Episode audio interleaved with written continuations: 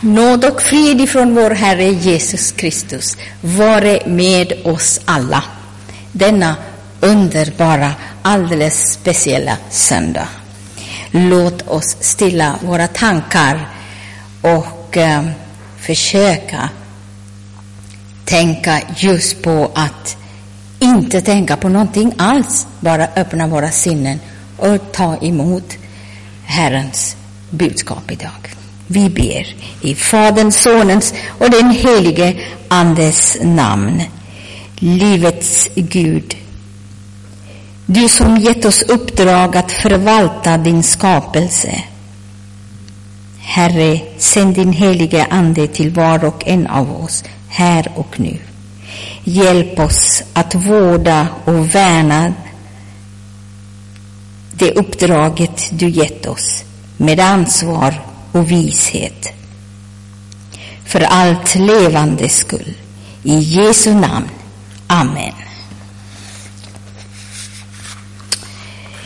En, jag ska läsa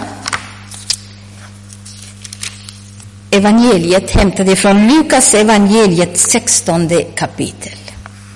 Jesus sade till sina lärjungar det var en rik man som hade en förvaltare och denne beskylldes för att förskingra hans förmögenhet.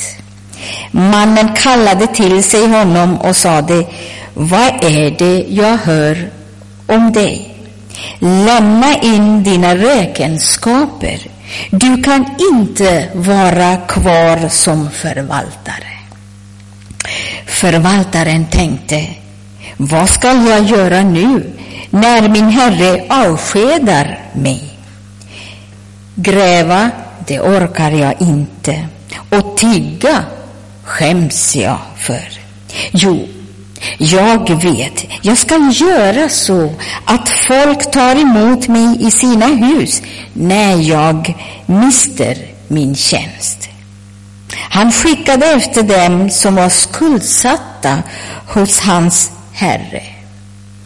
En i sänder och frågade den förste hur mycket han var skyldig. Hundra krus olja, svarade mannen. Då sade han, här är ditt skuldebrev. Sätt dig genast ner och skriv femtio.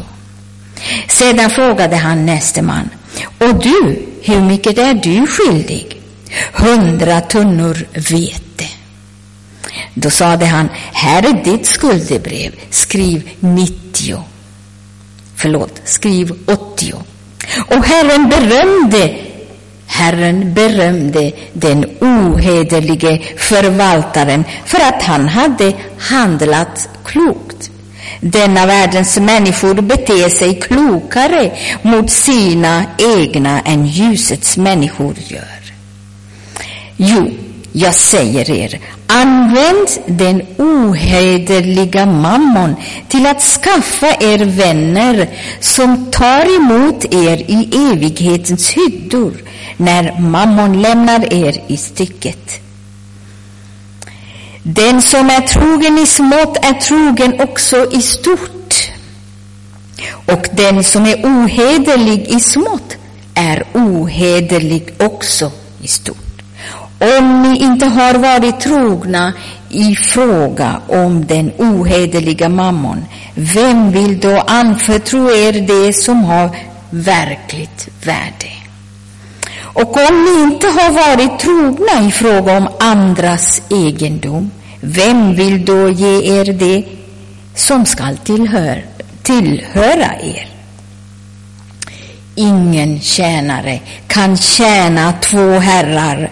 Antingen kommer han att hata den ene och älska den andra, eller att hålla fast vid den ene och inte bry sig om den andra.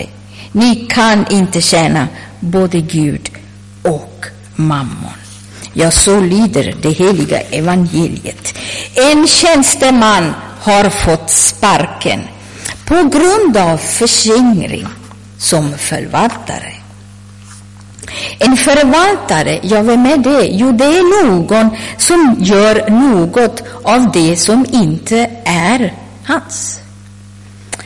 Men förvaltarskap, en förvaltare, det är någon som har fått ett hederligt uppdrag. Ett förtroendeskap, i tillit och förtroende på personen i fråga.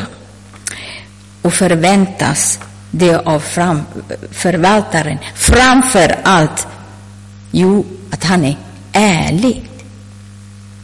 Och i enighet att göra uppdragsgivarens vilja. Förvaltarens uppdrag det är ett heders, hederligt uppdrag, men det är i enlighet med uppdragsgivarens vilja. Gud sa, var fruktsamma och föröka er, uppfyll jorden och lägg den under er. Alltså, ja, just vi Människor fick förtroendet redan i början att förvalta allt det som var Gud, som Gud skapade. Wow, hörni, halleluja! Vilken uppdragsgivare! Han skapar oss, välsignar oss och säger att lägg allt under. Då har vi därmed fått ett uppdrag alldeles i början att vara förvaltare. Så osnålt, fullkomligt kärleksfullt ger oss allting och säger till oss att vi ska förvalta. Men, men, ack, ack, ack och ve, hur har vi burit oss åt? Visst har vi glömt bort uppdragsgivaren ett ögonblick. Att vara en kristen, det är att vara Guds förvaltare. Vi är alla Guds förvaltare. Men vad är det vi ska förvalta? Vad är det vi ska förvalta? Jo, det är evangeliet. Förvaltarstanken måste hållas aktivt och levande i varje kristen församling. Annars har vi totalt missat vårt mål. Det innebär att vi ska ständigt vara trogen, trogen vår uppdragsgivare. När vi ser oss omkring i världen idag, ja, inte är det troheten som står högst i kurs. Nej, vi vet. Det som präglar idag det är otrohet. Trolöshet är ju det som präglas ute i världen. All ondska. Konsekvensen sätter djupa spår i vardagen, i relationen inom familjer. Man mot man, människa mot människa. Det sätter prägel, otrohet. Relationer, det spricks. Familj, samhällsliv. Vi ser en vilsenhet och pessimism, osäkerhet, förvirring, rädsla, förtvivlan, liv utan mening. Detta är vad vi ser och hör idag. Det finns ingenting ingen mening i tillvaron. Människan tar livet av sig. Ja, inte är det så konstigt. När det inte finns en mening, då tar man bort. Människan, vi har inte fattat att vi har fått livet just för att vi ska leva. Har vi misslyckats då som förvaltare? Har vi misslyckats vårt uppdrag? Ja, hur skulle du, du behöver inte svara. Hur skulle du svara på den frågan? Har jag misslyckats med mitt uppdrag som förvaltare?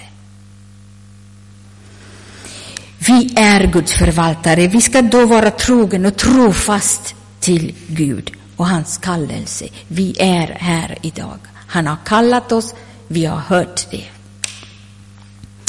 Så vårt uppdrag, det är ju att förvalta.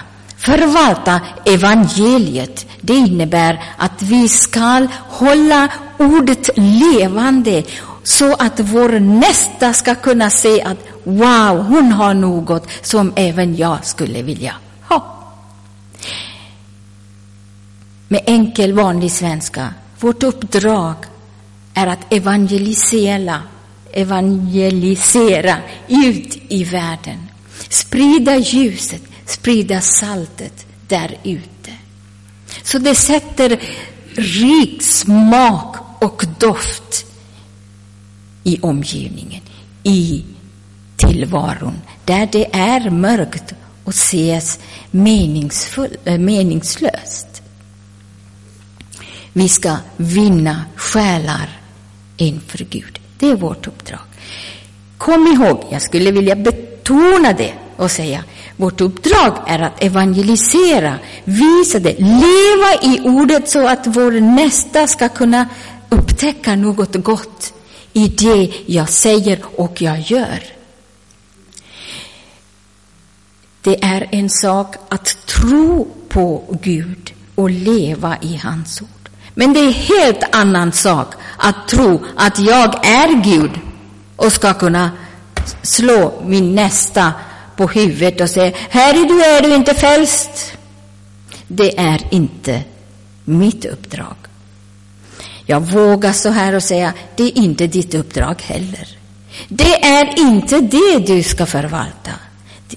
Förvalta evangeliet är att ta emot det själv, varje individuell hjärta. Ta emot det och låta det verka genom gärningar.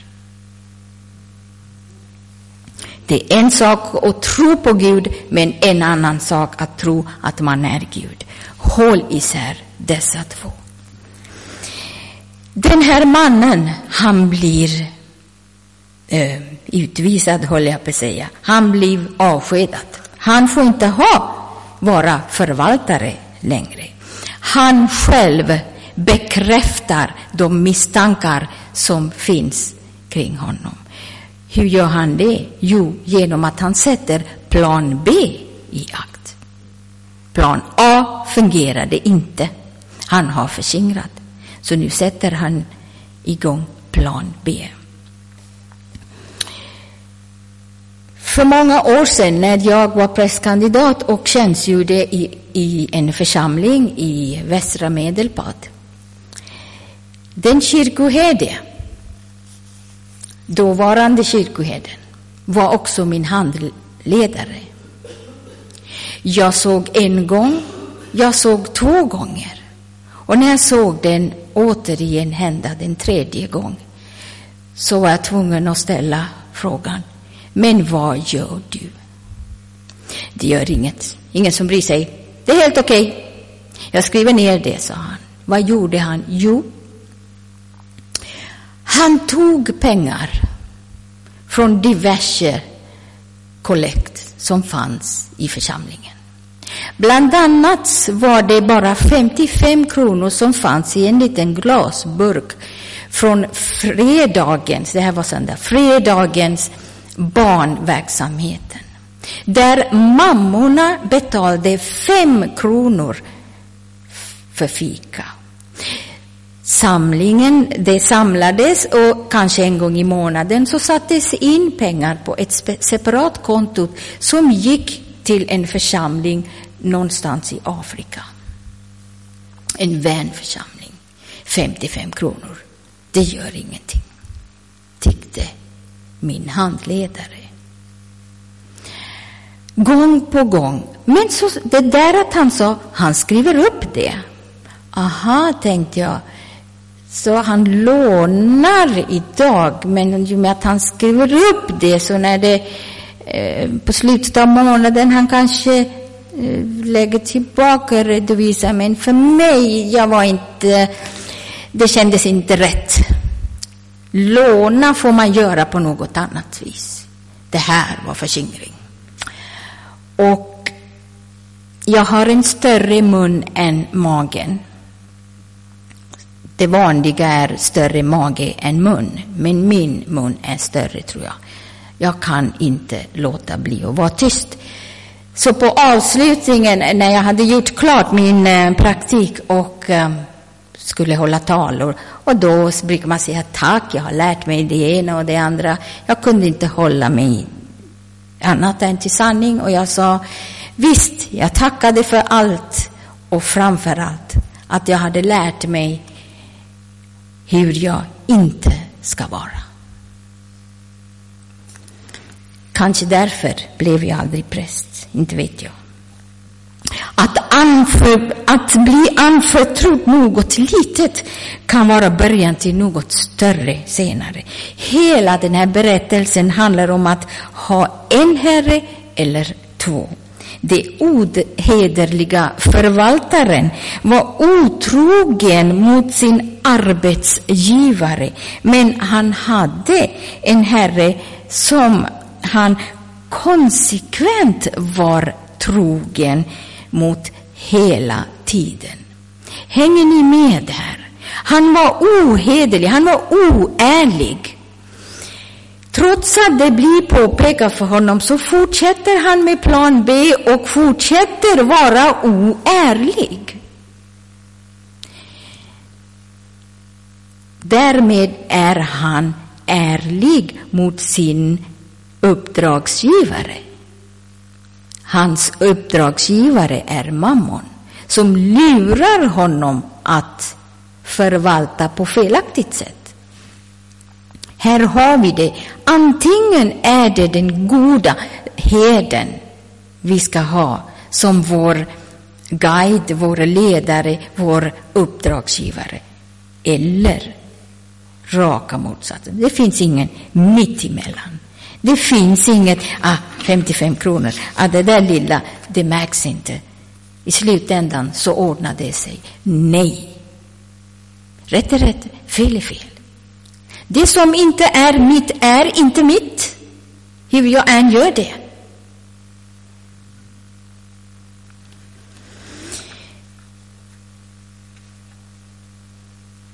Är det inte så att vi faktiskt försöker tjäna två herrar ibland?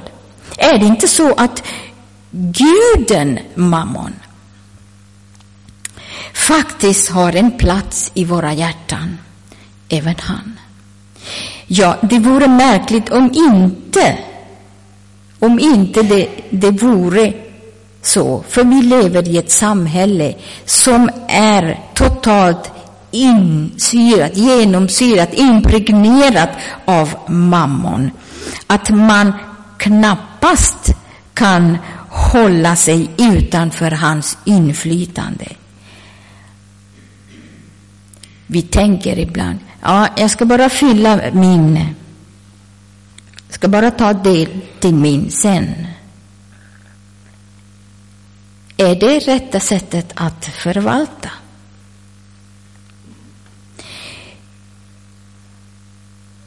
Den goda förvaltare, i kort och gott, är så här. Den som förvaltar äger ingenting, utan förvaltar någon annans egendom. Allt vi ser, allt vi har omkring oss, det är bara till låns. Vår kropp, våra pengar, ingenting är våra ägodelar. Inget är mitt, inget är ditt. Allt tillhör han som har från början gett oss allt detta.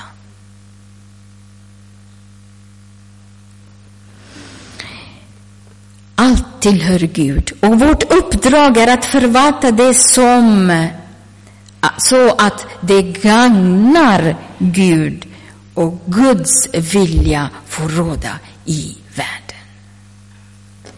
Också mammons goda kan ställas i Guds tjänst.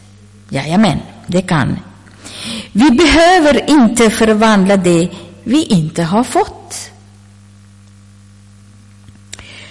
Att frälsa någon annan, det har jag inte fått. Det har ingen av oss fått.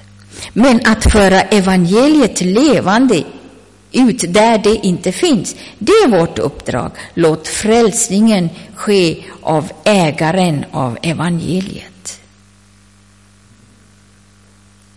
Jag tror ibland i vårt iver att vinna själar och, och proklamera det goda evangeliet så tappar vi bort lite grann och eh, vill ha det där, ja det var, och vad jag har bett för dig, och käre Gud, tack Jesus, vad jag har bett för den här människan. Lite grann vill jag ha äran.